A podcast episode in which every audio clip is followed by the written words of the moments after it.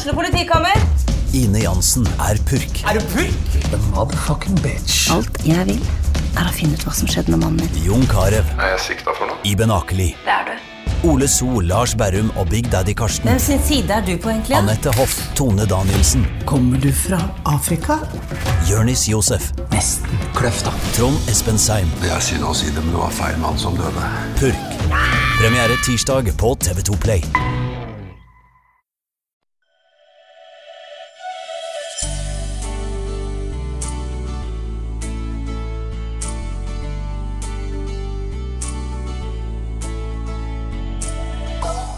Du hører på Sommerlyd, en podkast fra Tønsbergs Blad.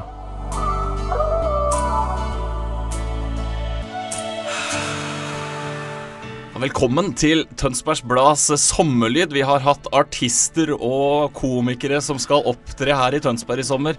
Men sommerlyd, det er også denne bzzz. Roar E. Kirkevold, birøkter og birøkterskribent.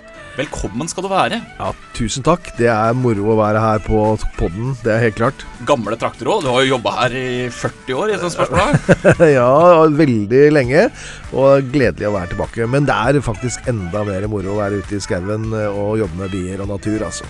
Ja, for det er uh, bier vi skal snakke om i dag. Hvorfor trenger vi dem? Hva slags hensikt har de i uh, samfunnet vårt? Men vi må begynne helt på det enkle. Han snakker om bier, vepser og humler. Eh, det er de- tre hovedgruppene man gjerne prater om, men forskjellen på de, hva er hva, og hvordan kan man se det? Dette her er en utrolig lang historie. Det begynte allerede for 125 millioner år siden. Altså dobbelt så lenge siden uh, dinosaurusene døde ut. Så var alle veps. Det var, det var insekter, og de var kjøttetere. Og, men så begynte noen av dem å tenke, for at det, hele veien, og alle disse millionene av år har jo uh, naturen utvikla seg, og da begynte noen å bli vegetarianere. De begynte å få pels, og de begynte å se på at plantene begynte å annonsere. De Plantene begynte å annonsere på den måten at de lagde eh, blomster. Og blomstene tiltrakk seg eh, insekter som da ikke fikk eh, proteiner, som kjøttetende insekter gjør, men de fikk sukkerarter. Og det er sukkeret, eller karbohydratene, som biene bruker veldig mye av. Og øh, biene, de, øh, biene er veldig annerledes enn veps. Vi som birøktere vi er vant til å få skylda for alt. Et stikk er et stikk.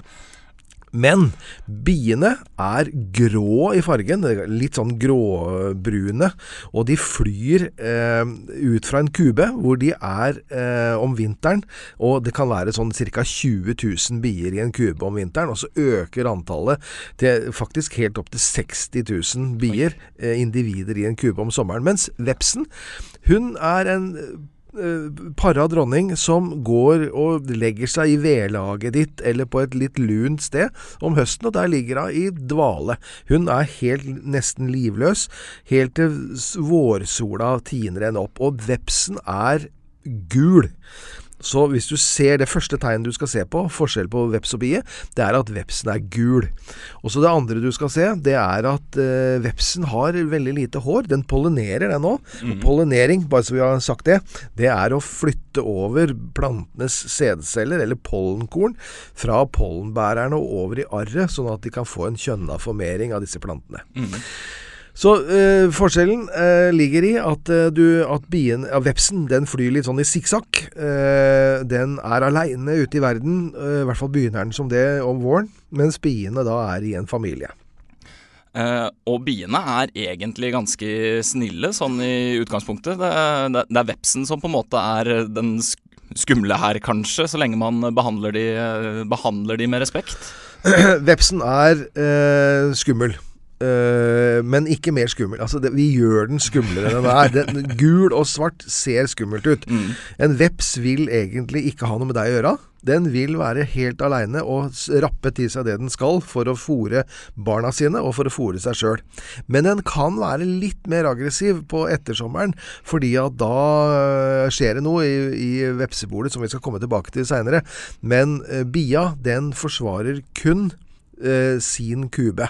Ei bie er egentlig ikke et individ, og det er en filosofisk endring som vi mennesker må øve oss litt på. Fordi at et bifolk det består av disse fra 20 til 50 60 000 biene. Og vi må se på bifolket som én organisme, det vi i naturvitenskapen kaller for en superorganisme.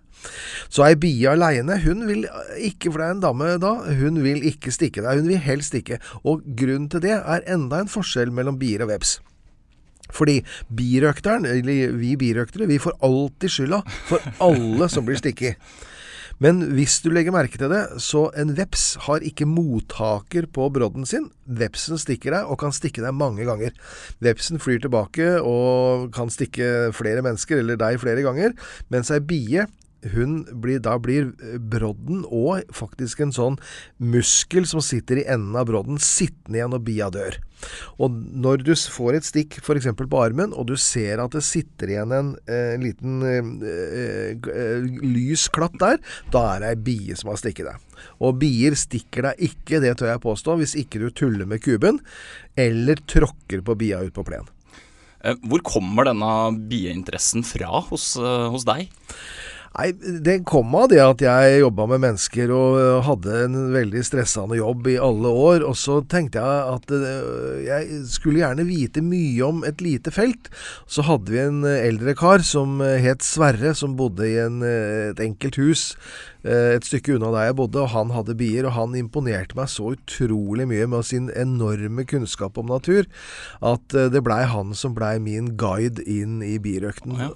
Mm, for mange år siden. For veldig mange år siden. Og så har det bare balla på seg, egentlig? Ja, så har det balla på seg fordi at eh, det er noe helt spesielt med bier. Eh, både som hobby, men også som yrke. Altså Bier er jo et husdyr. Eh, du kan høste ting fra det. Og det å eh, Jeg tror en, eh, en fellesnevner med Norges 4500 birøktere er nok at de liker å høste ting fra naturen. De plukker bær, eller de plukker sopp, og de, de kan bruke bruke det eh, den delen av naturen som fornyer seg hvert eneste år. Og husk på at biene er de eneste måten vi mennesker har til å fange eh, plantesafta, eh, nektaren, som da blir eh, honning til slutt. Hvordan er det eh, når folk får vite at du er birøkter i sosiale lag? Eh, det, er et tema som engasjerer alle, virker det som? Ja, det var jo faktisk det før også. For før var vi jo litt sære gamle menn i hvit eh, drakt som ser ut som du har landa fra Mars. Men nå har jo vi blitt skikkelig hipstere. Og vi er kanskje ikke så glad i det uh, stempelet bestandig, men én eh, ting er sikkert. Hver gang jeg sier at jeg driver med bier i en eh, setting, så kaster folk seg på, og det er hundrevis av spørsmål. Hvordan er det med egentlig dette livet inne i kuben?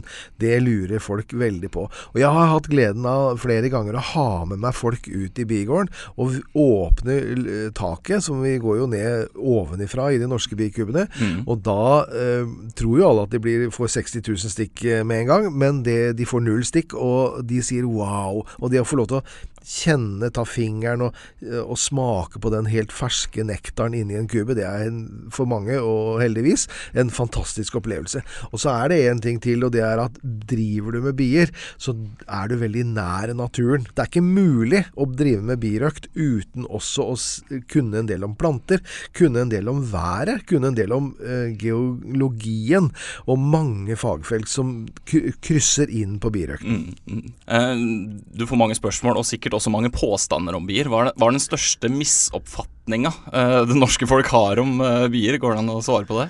Ja, det er, det er, ma det er mange. det er mange misoppfatninger, men en av de uh, vanligste er nok det der med at bier stikker uansett. Mm. At man er livredd for at bier går til angrep. Man har lest om killerbier i Amerika, og det er et reelt fenomen, men det er altså en krysning, en uønska krysning mellom afrikanske bier og våre honningbier, som gjør at de krysningene blir veldig sinte. Men folk tror at de blir stikket ikke. Og folk tror en ting til, som er filosofisk ganske spennende. Folk tror at biene samler honning, for, eller nektar som de lager honning av, for at vi skal få på brødskiva. Ja. Og det er å sette mennesket i et helt feil perspektiv. Disse biene lever 100 uavhengig av oss mennesker. Men likevel, det leder oss jo fint over på neste spørsmål, da. For eh, vi trenger likevel bier. Menneske. Og, men det, det, det, det verste da er at mennesket trenger bier, men biene trenger ikke oss. Nei. Altså, en hadde alle vi seks milliarder mennesker dødd i morgen, så hadde det vært eh, Det hadde gått helt hus forbi hos biene. De hadde levd sitt liv helt uavhengig av oss. Mens for oss mennesker så betyr det at en tredel av All mat, absolutt all mat i verden, den blir pollinert av insekter.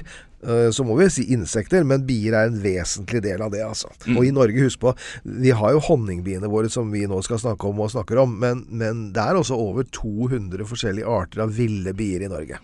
Eh, Jeg fikk jo være med deg på jobb her for noen uker siden, hvor det var en bisverm som hadde funnet midlertidig plass i en hage på Kilen. Eh, Det var veldig fascinerende å se hvordan du jobba, og hvor Jeg skal ærlig innrømme, jeg, er ikke glad i verken bier eller veps og ser dårlig forskjell på de, men eh, du var jo veldig rolig eh, i hele prosessen. Det det var liksom ikke noe å være redd for.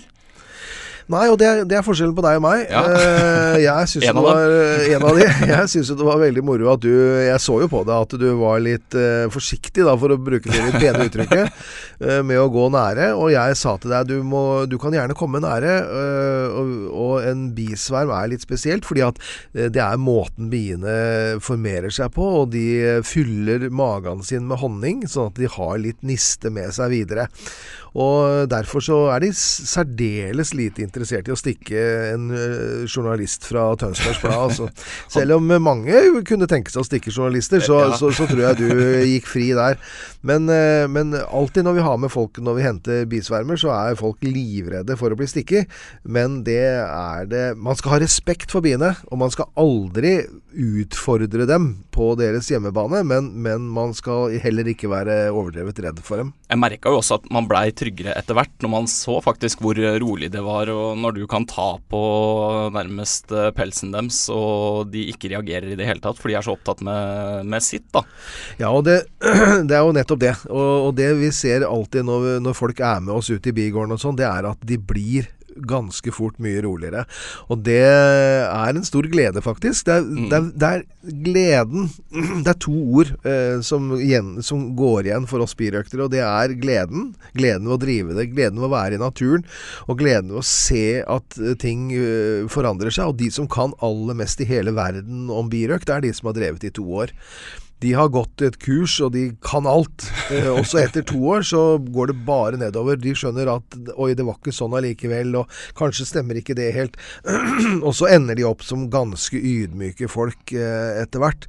Det er det ene, altså gleden, og det andre er undringen. Undringen over at det vi trodde var helt livløse planter og, og, og merkelige små dyr med bitte små hjerner, de har en kommunikasjon, de har et liv som langt overgår mye annet av det vi omgir oss med.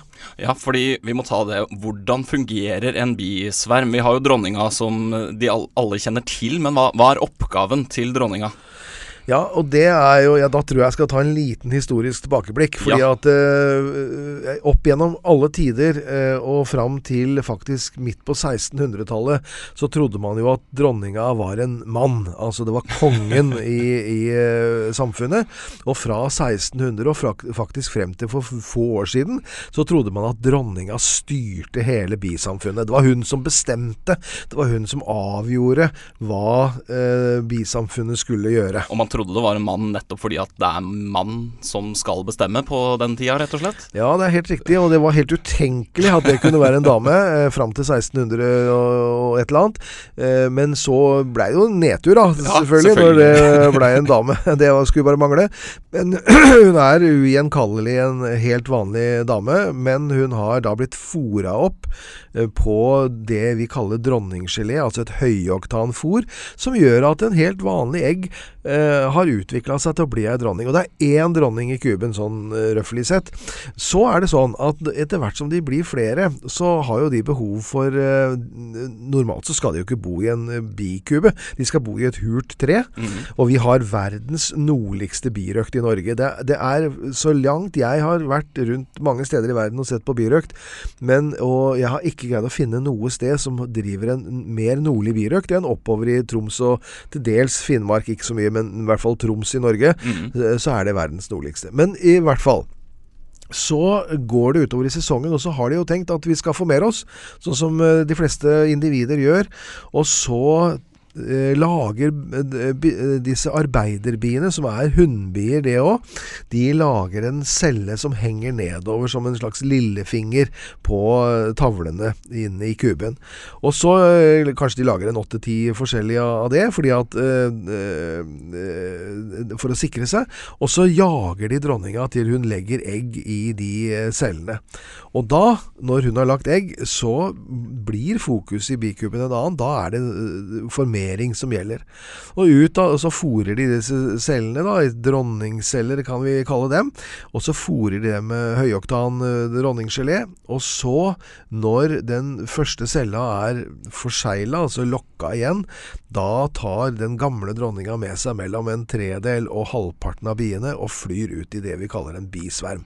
Og det er begynnelsen til et nytt samfunn. Og det var da naboen ringte til Tønsbergs Blad og sa hva gjør vi nå, fordi her har det kommet en bisverm. Og det er, for folk som ikke kan det, så er en bisverm ganske Det er en spesiell Det er en naturopplevelse.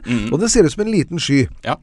Med bier som kommer, og det er cirka, kanskje 15 000-20 000. Det var en ganske stor sverm dette her, som du var med på, så den var ca. 20 000 eh, individer, da, hvis man skal kalle det det, eh, i den eh, svermen. Og så, når, når, da setter de seg midlertidig et eller annet sted. Og i, i dette tilfellet så var det e- eieren av eiendommens eh, hekk som, eh, som de satt i, og der sitter de faktisk og tenker seg om litt. For ut av den eh, eh, svermen så sender de da speiderbier for å leite etter det de tenker er et bra sted å etablere seg.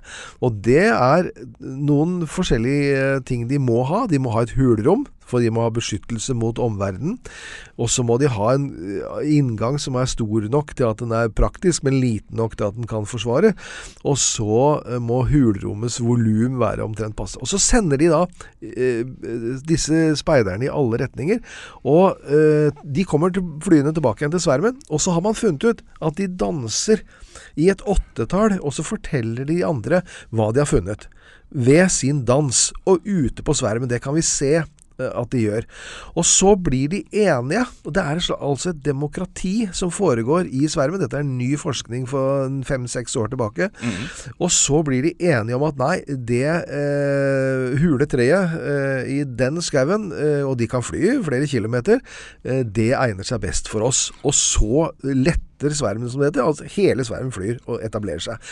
Men men eh, det kan også gjøre at de lander i pipa di, eller i veggen din, eller andre steder du helst ikke vil ha bier. Og da sliter vi birøktere med å få tak i de eh, svermene, fordi at det, vi må ha, få alle ut hvis det skal bli noe orden på det. For denne dansen, den har jeg skjønt forteller både retning og avstand til det stedet de mener er uh, egna for å slå seg ned. Ja, i dagliglivet til ei bie, hvis du og jeg var damer for det første, og bier for det andre, så eh, ville vi brukt dans først og fremst til å finne nektarkildene. Altså gode planter som gir nektar. For det er ikke alle planter som gjør det, eller alle blomster som gjør det. Men la oss si at eh, du da var ei bie, og så fløy du ut om morgenen, og så, eh, ja, så susa du litt rundt omkring, og så fant du en eh, plen til en villaeier som ikke hadde klipt plen, altså som gjør det ordentlig. Altså Ja. som ikke tuller med en gressklipper, og i hvert fall ikke sånn eh, robotklipper, som skulle vært forbudt. eh, absolutt. Men eh, der er det masse fin, gul eh, løvetann, og da ville du suge opp eh, nektar fra den, og så vil du fly tilbake til kuben. Og da ville du veid sånn et tiendels gram, og så vil du ha magen full, så da er nesten et tiendels gram til. Dobbelt så stor. Dobbelt så tjukk, og du skal på vingene og hjem, og kanskje det er en kilometer eller så.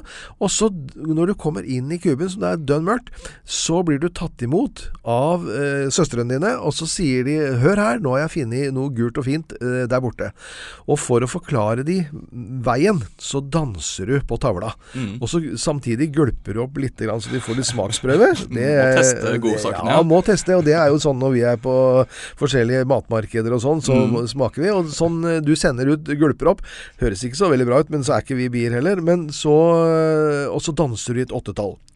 Du kan danse i en runddans òg hvis det er veldig kort avstand, men stort sett så er det et åttetall. Og ut av det åttetallet så greier biene rundt deg, ved sine følehorn, for det er jo dønn mørkt inne i kuben, Men med sine følehorn så kjenner de både hvor eh, langt det er, hvor stort dette funnet ditt er, altså hvor, hvor svær er denne plenen, og hvor mange trenger vi å sende, Ja.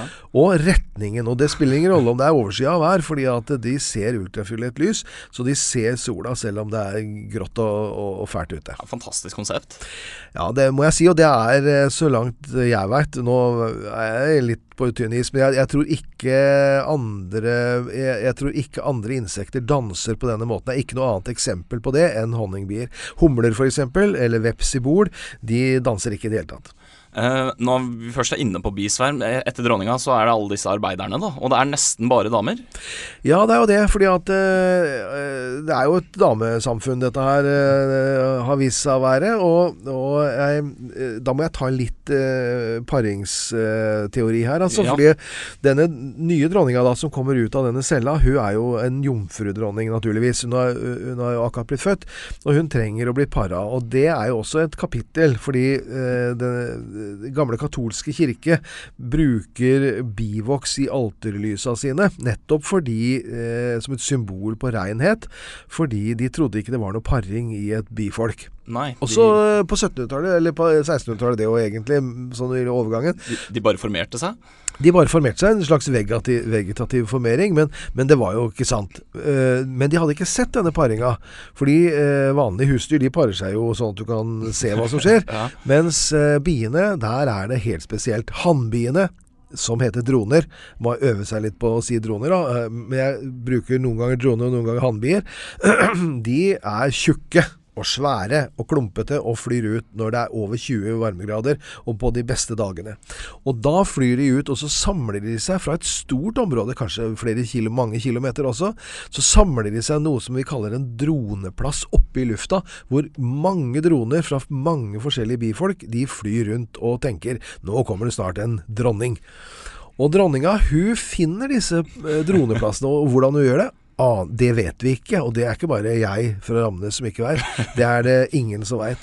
Hvordan eh, hun greier å finne fram til droneplassen. Det kan være feromonspor som gjør at hun gjør det. Men hun flyr i 50 km i timen gjennom denne eh, eh, gjengen med gutter.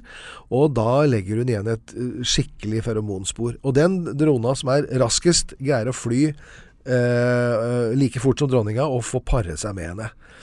Og det skal jeg si deg, eh, altså. Jeg må være ærlig og si det. Det er ingen god opplevelse. Det kan umulig være en god opplevelse. Fordi i det han eh, penetrerer dronninga, så eksploderer penisen hans. Og såpass. Ja, den gjør det. Og, og drona detter bak. Og jeg, jeg kan tenke meg hvordan det er å være drone da. Han blir veldig overraska.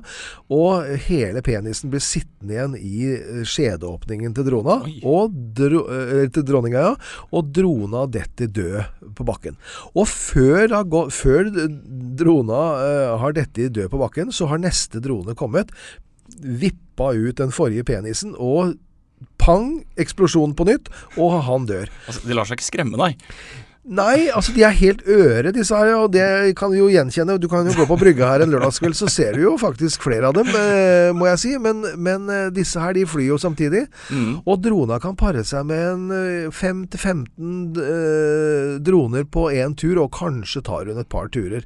Og så Det merkelige her er at hun oppbevarer sæden til alle disse dronene i en sædblære som hun har i bakkroppen. Okay. Og da kan hun holde liv i sædcellene deres i opptil tre-fire år. Ja. Og når hun kommer tilbake, for nå er hun jo para, ikke sant? Og når hun kommer tilbake da, så skal hun begynne å legge egg. Og her er det ikke snakk om høner, altså. Ei høne, eh, hvit italiener, ikke sant, den legger ett egg om dagen. Dron, dronninga legger 2000, eller opptil 2000 egg om dagen, og de veier mer samla sett enn det dronninga gjør. Og derfor har hun alltid et uh, hoff av arbeidere rundt seg som bare fòrer henne. Så vi må konkludere med at dronninga ikke bestemmer noe som helst. Hun er bare bifolkets egglegger. Hun er en maskin som, som legger egg og gjør som arbeiderne vil. Og så er det det at eh, når hun stikker For alle disse eh, cellene, de er jo sekskanta, ikke sant? Det er jo Bare det kan vi snakke om i to dager. Men altså, eh, det er den sterkeste og mest plasseffektive innredningen du kan gjøre. Så stikker hun rumpa ned i cella, og så kjenner hun at oi, her er det passe til å legge et egg. Og så legger hun et egg, som i utgangspunktet er ubefrukta, men så legger hun på et par uh, sædceller idet hun eh, st stikker egget ned i cella. Og ut av det så kommer det da en uh, uh, hunnbie. En, uh, en hunnbie som er helt lik henne selv. Du kan, ta, uh, du kan ta det egget og legge det over i en kunstig dronningcelle, og da blir hun en dronning. Men uh, der hun har stukket rumpa inn og lagt det egget, da blir hun en arbeider. Og forskjellen er bare at hun blir fora med et litt annen type fôr. Så du får egentlig genene bare fra hunden her nå? Nei, da, hun, nei, hun får genene også fra de, disse dronene som da for lengst er døde på bakken. Mm. Eh, fordi det blir en kjønna formering med sædceller og hele pakka som du er vant til. Mm. Men så stikker hun rumpa ned i noen celler som biene har laget ferdig, som er litt større. Og da kjenner hun med bakkroppen sin at, at her er det større plass. Og merkelig nok så kniper hun igjen sædlederen, og så legger hun et ubefrukta egg. Okay. Og ut av det ubefrukta egget, i den store, litt større cella, der kommer det en hannbie. Og det er hannbia som altså ikke har noen biologisk far, og som er en hel kloning av dronninga sjøl. Og det er også en merkelig ting. Det skjer med flere typer insekter, det, mm. altså. Men det skjer jo aldri med mennesker. Mm. Uh, heldigvis, kan vi si. Ja, uh, men, men, uh, men, i bienes verden og i, i, insektenes verden så er det da altså mulig å få fram et individ som er kun har mor, og som er haploid. Det betyr at det er halvparten av, av arvestoffet. Men det er ikke aktuelt for dronen å ha seg med disse andre arbeiderne, da? Er ikke de attraktive nok, de, eller? Nei, for de, de, de er jo eh, godt, Det var et veldig godt spørsmål. Nei, de er, ikke, de er ikke attraktive. Én, de er ikke ute og flyr, men de kunne jo pare seg inne i kuben hvis de hadde giddet. Men eh, tenk på at eh, egglederen til, eh, som dronninga har, den er bytta ut med en brodd. Okay. Så jeg går ut fra at det ville vært en enda dårligere opplevelse. Eh, og, og, så det er altså egglederen til eh, som, som, hos arbeiderne er utvikla som, som, en brodd. Mm. Men så disse dronene, da. Ved bare gjøre ferdig med dronearbeidet vårt. Eh, de lever bare om sommeren, og siden de ikke krever sædceller altså en kjønna formering, så har jo ikke bifolket bruk for droner om vinteren. Mm. Fordi de vil overleve uansett. Og øh, derfor så tenker de at øh, en drone den øh, kan kanskje kreve åtte åtte til ti ganger så mye stell som en arbeiderbie. Mm. Den later seg, men den har nok noen, noen funksjoner som ikke vi veit, bl.a. å varme eh, opp inne i kuben og sånn, men vi, vi vet ikke nok om det heller, faktisk. altså. Men så kommer utpå høsten. Da blir arbeiderne, som da er 99 eh, av antallet i kuben, de blir lei å fòre på disse latsabbene som ikke gjør noe. Og så biter de vingefestene av dem eh, i musklene, og så pælmer de rett og slett ut av kuben. Og det kaller vi birøktere for droneslaget, og det er Når jeg holder foredrag om bier, så nikker alle som er skilt. Jeg kan se hvem i salen som er skilt, for de gjenkjenner det der å ligge og fryse ute og nøkkelen ikke passer i leiligheten lenger. Ja, riktig. Så da er det ingen vei tilbake, rett og slett? Nei, det er ingen vei tilbake, og, og etter det tidspunktet på, på høsten så er det ingen hannbier igjen i i bikuben. Og hvis vi er ordentlig fæle, vi birøktere, som vi sjelden er, men vi kunne gjort det, så kunne vi da tatt med oss en uh, eske med full av hannbier, og så kunne jeg sluppet det løs her vi sitter. Fordi hannbiene har ingen brodd. Hannbiene kan ikke stikke. Nei. Og det hadde Du, du hadde springet og oppført deg som hadde gleda meg veldig, men, men, men hannbier kan ikke stikke. Og dronninger kan stikke, men de gjør det ikke annet enn med andre uh, dronninger. Så det er bare hunnbiene som stikker. Ja, Hvor ofte blir du uh, stukket, da, du som er tett på bier uh, mer enn oss fleste? Nei, hvis du, eh, og det er litt sånn eh, eh, Igjen et godt spørsmål og et al- alvorlig spørsmål. fordi at hvis du er allergisk mot bistikk, så skal du ikke være birøkter. Men, men jeg blir stikket kanskje Ja, jeg, jeg er flink til å bruke slør og hansker. Så jeg dekker meg til helt fordi jeg har allergi i familien. Men, men ellers så blir jeg nok sånn i gjennomsnitt kanskje Får jeg 50 stikk i løpet av en sommer, da? Ja, så 50 stikk er jo, det er jo en del, men sammenligna med hvor mange bier du er i nærheten av, så blir det kanskje småtteri, da. Ja, det, det er sant. Og, det, og, det er, og bistikk er realt, så lenge du ikke er allergisk. For bistikk, det svir noe innmari. Helt til det ikke svir lenger. Da er det greit. Men et myggbitt, og det er jo ikke et stikk, det er viktig å si, myggen biter deg jo. Mm. Men han, eller hun, sender jo inn stoff som gjør at det klør og klør og klør i to uker. Mens eh, bistikket er du stort sett ferdig med. Men det kan bli ganske stor hevelse. Mm. Um hvordan får man honning ut av kuben? da? Det er ikke alle som er eh, klar over hele prosessen der, for å ta den kanskje litt eh, kort. Men hva gjør dere? Eh, Når du vasker klærne dine hjemme, så bruker du en sentrifuge til å tørke dem, hvis ikke du henger dem på snora. Mm. Og det er samme prinsipp vi gjør. Vi har løse tavler, som vi kaller det, inni en kube, og der består det av mange, mange celler, som biene har forsegla med en voks.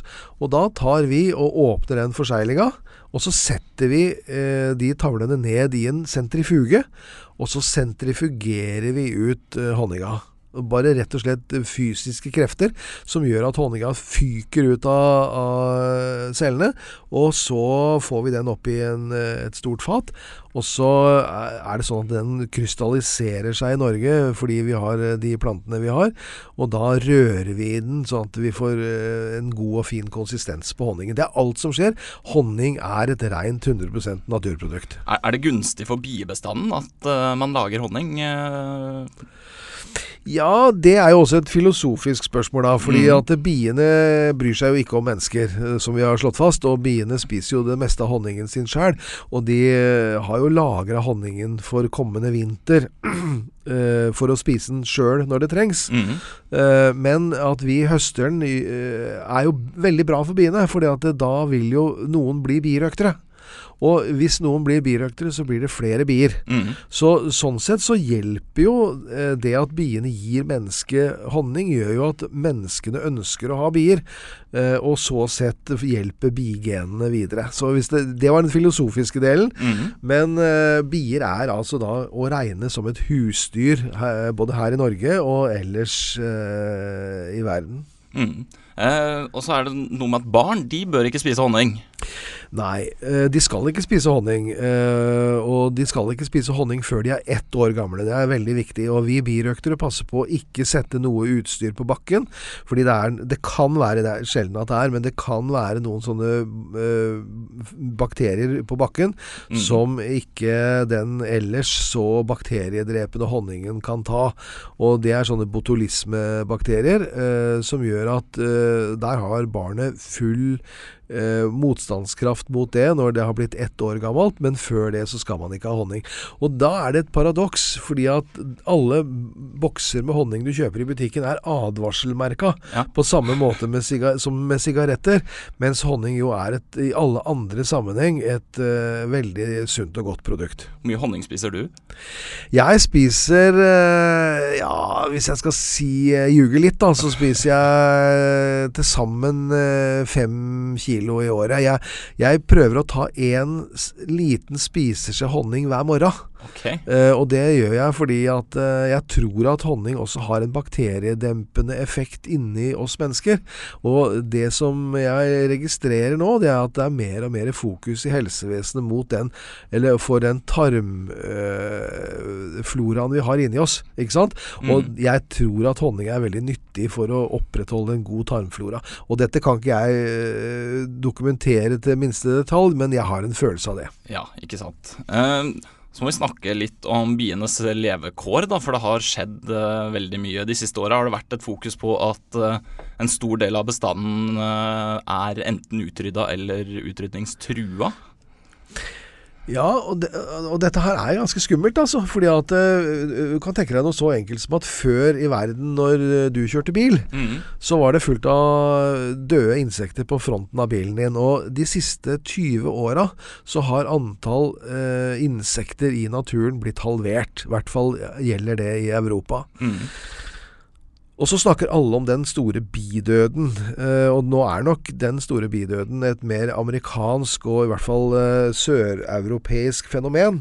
Eh, men det handler nok om Det handler om mange ting som til sammen dreper biene. Mm. Det kan handle om at birøkterne jager opp biene sine for mye og driver de for hardt.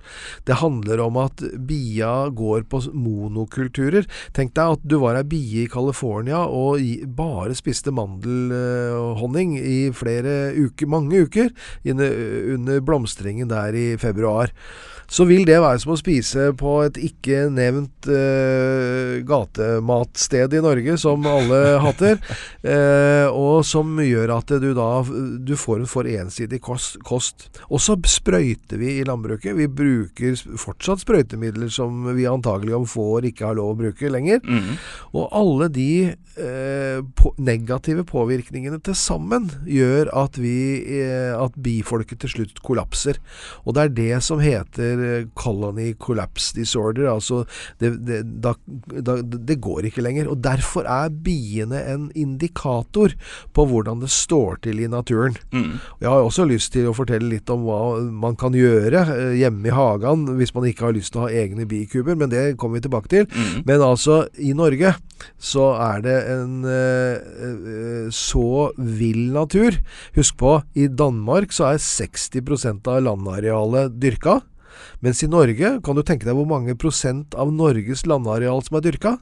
Eh, det er nok en langt mindre andel, for å si det sånn. Ja, og det er langt mindre, fordi det er 3 ja.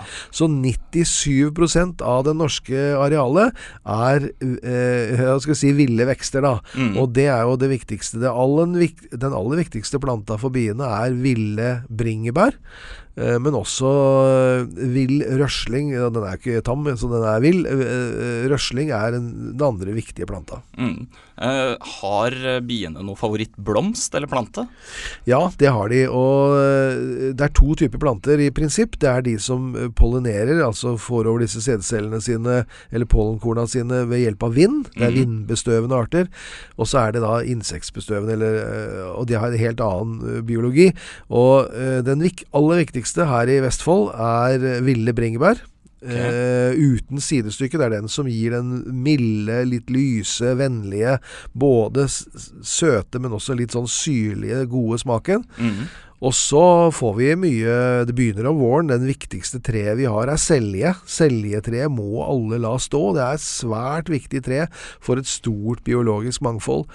Uh, og så har vi blåbær som faktisk blåbær og tyttebær, som gir en del. Så kommer løvetann, eh, bra plante. Og så som sagt eh, bringebæra, da, som gir oss overskudd. Mm. Og så er det kløverarter og et vell av sommerplanter, før vi nå i midten av juli så eh, høster vi honningen, og, og det blir en blandingshonning av eh, mange sommerblomster som gir en mild og fin smak. Og så flytter vi biene våre ut av Vestfold, og f.eks. til Telemark eller andre steder.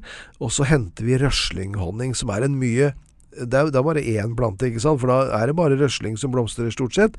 Og da får vi en honning som er mye mer aromatisk og mørk i fargen. Og så høster vi den så, uh, til slutt. Ja, for nå svarte du egentlig på mitt neste spørsmål. Om du kan smake hva biene, eller hvilke blomster og planter biene har brukt uh, i honninga som blir framstilt?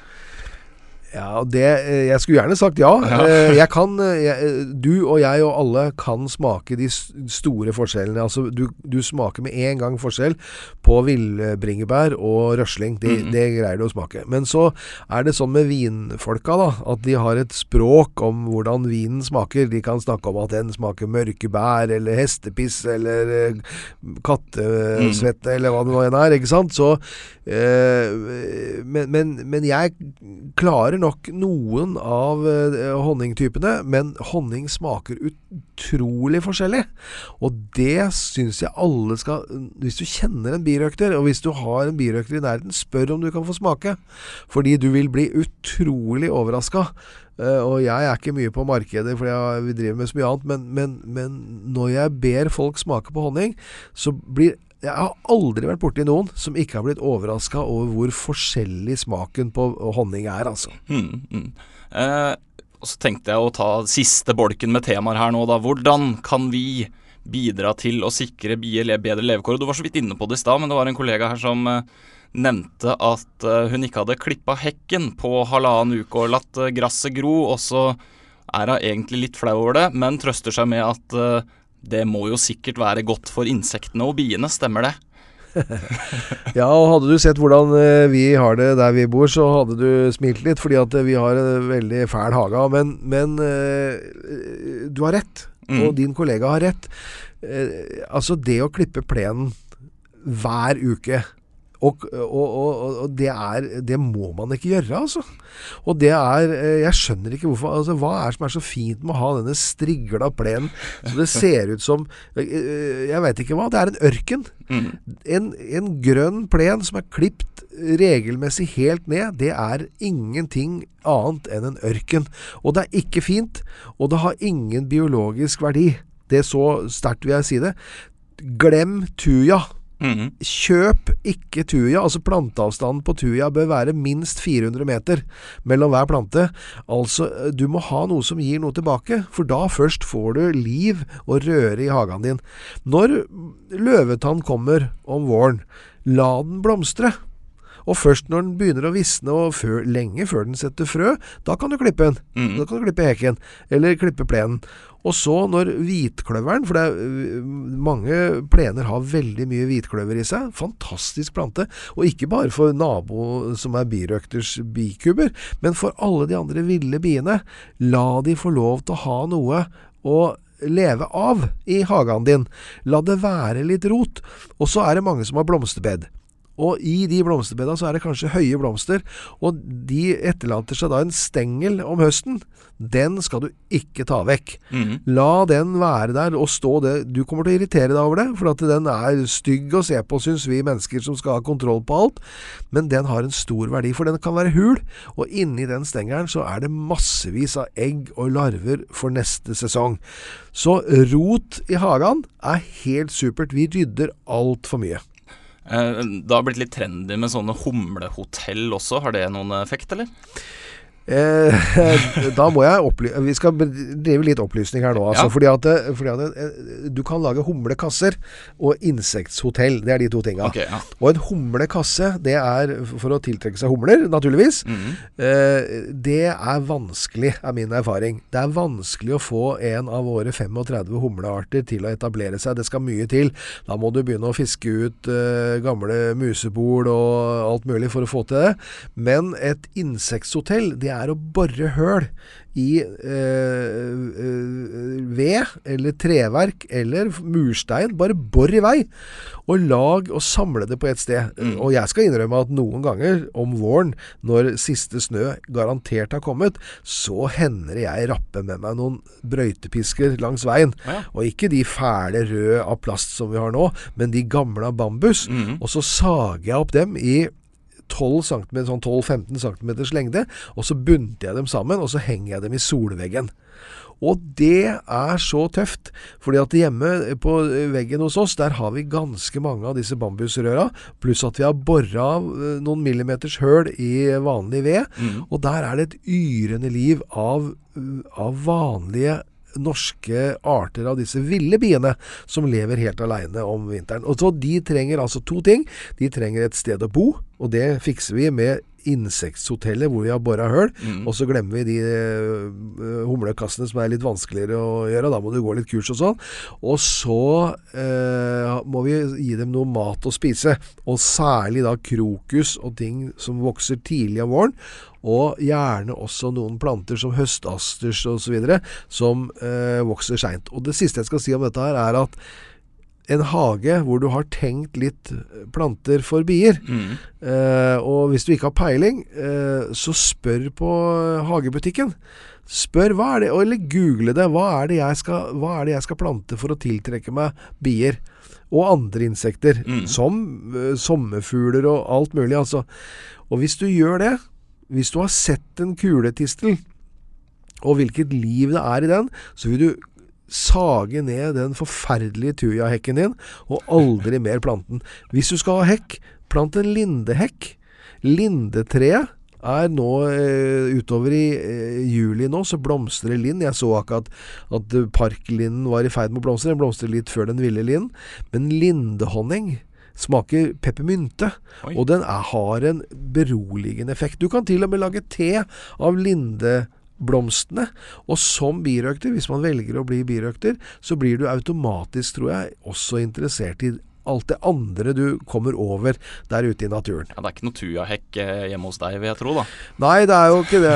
Hos meg er det bare rota. Men, eh, men det er, eh, det er jeg, jeg ville aldri altså jeg kommer, eh, Det skal jeg love deg, her og nå, og alle som hører på. Jeg skal aldri kjøpe en tuja, og jeg skal aldri plante en tuja. Eh, er det andre ting man kan eh, gjøre, som er sånne enkle grep egentlig alle kan og bør tenke på?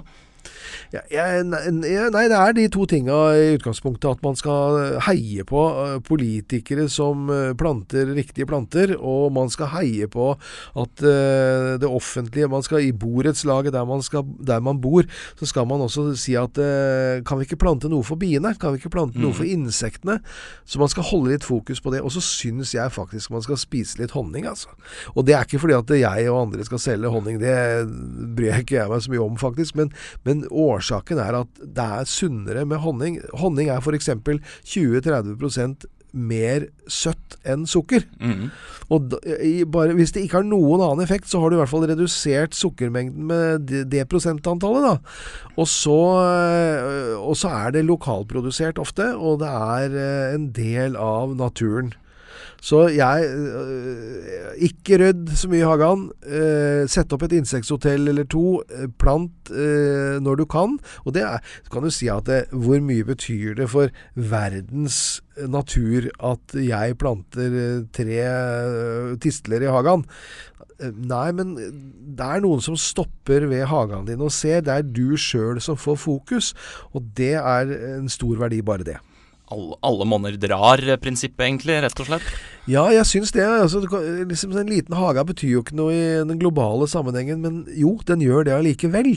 Fordi at eh, folk ser, du snakker om det, du blir opptatt av det. Hvis du ser denne humledronninga som flyr lavt over plenen din en vårdag for å leite etter et sted å etablere seg, så blir du glad. Det er ikke mulig å se en humle som flyr uten å bli glad. Det er ikke mulig å se en blomst som blir pollinert av et insekt uten å bli glad. Kan bli litt redd. Ja, du kan, det er mulig Nei, det, altså, hvis du veit litt om det, og hvis du har lært lite grann, så blir du faktisk ikke redd heller, altså. Du blir bare enda mer glad. Vi har lært ganske mye gjennom eh, 46 minutter her nå, i hvert fall. Tida flyr. Eh, får du sommerferie som birøkter, eller, Roar? Ja, jeg burde sikkert hatt det, men uh, jeg tar det litt ellers i år, jeg. For at jeg gleder meg så Faktisk er er litt sånn, jeg er litt sånn ferieaktig, og jeg ser at mange av de øh, birøkterne i Norge, de, de er hobbybirøktere. De har det som en glede i livet, og de lever godt der ute uh, i, blant biene sine. Og når jeg nå etterpå i dag skal ut og hilse på biene mine, så vil jeg alltid sette meg ned på krakken i noen minutter og se at biene flyr. Og det er en stor og nesten sånn ferieaktig opplevelse. Og er du birøkter, så eh, Du kan reise hvor som helst i verden, og ser du ei bie, så stopper du. Og ser du en birøkter, så setter du i gang og prater uansett språk. Fantastisk. Hvis du skulle avslutta med å fortelle én siste ting om bier, som da, da er temaet helt fritt, men eh, hva, hva tror du det norske folk har lyst til å vite? Jeg eh, håper at det norske folk har lyst til å vite at biene er kanskje vårt aller viktigste husdyr. Eh, verdien Vi produserer ca. 2000 tonn honning i Norge i året. Og det er omtrent eh, i hvert fall under halvparten av det norske folk spiser av honning. Så vi importerer eh, mye honning, og vi burde hatt produsert mer sjøl. Biene er det eneste måten å høste plantesafta på som blir til honning. Og jeg vil si at eh, hvis man har La oss si at du eh, tenker at jeg skal jo ikke jobbe evig. Jeg skal kanskje om fem til ti år så skal jeg gå av med pensjon i en eller annen form. Gå et kurs. Ta, gå, eh, sjekk deg inn på nettsidene eh, til Norges Birøktelag og se Er det noe kurs i nærheten.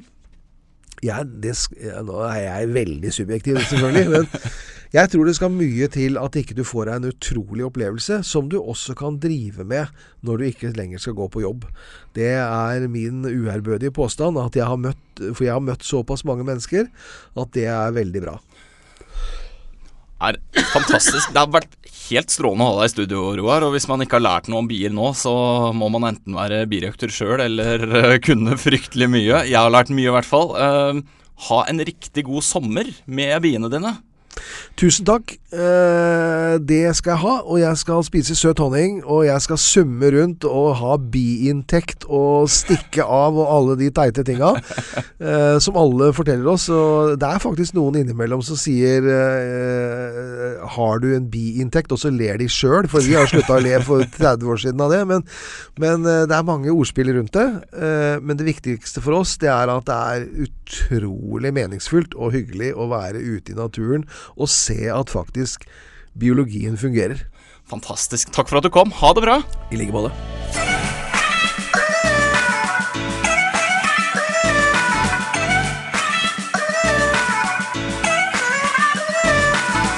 Du har akkurat hørt på Sommerlyd, en podkast fra Tønsbergs Blad.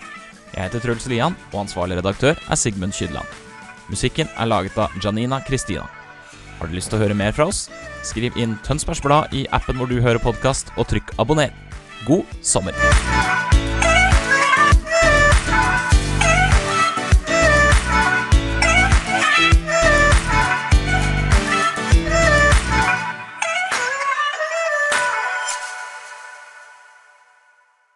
Har du et enkeltpersonforetak eller en liten bedrift? Da er du sikkert lei av å høre meg snakke om hvor enkelt det er med kvitteringer og bilag i fiken, så vi eh, gir oss her, vi.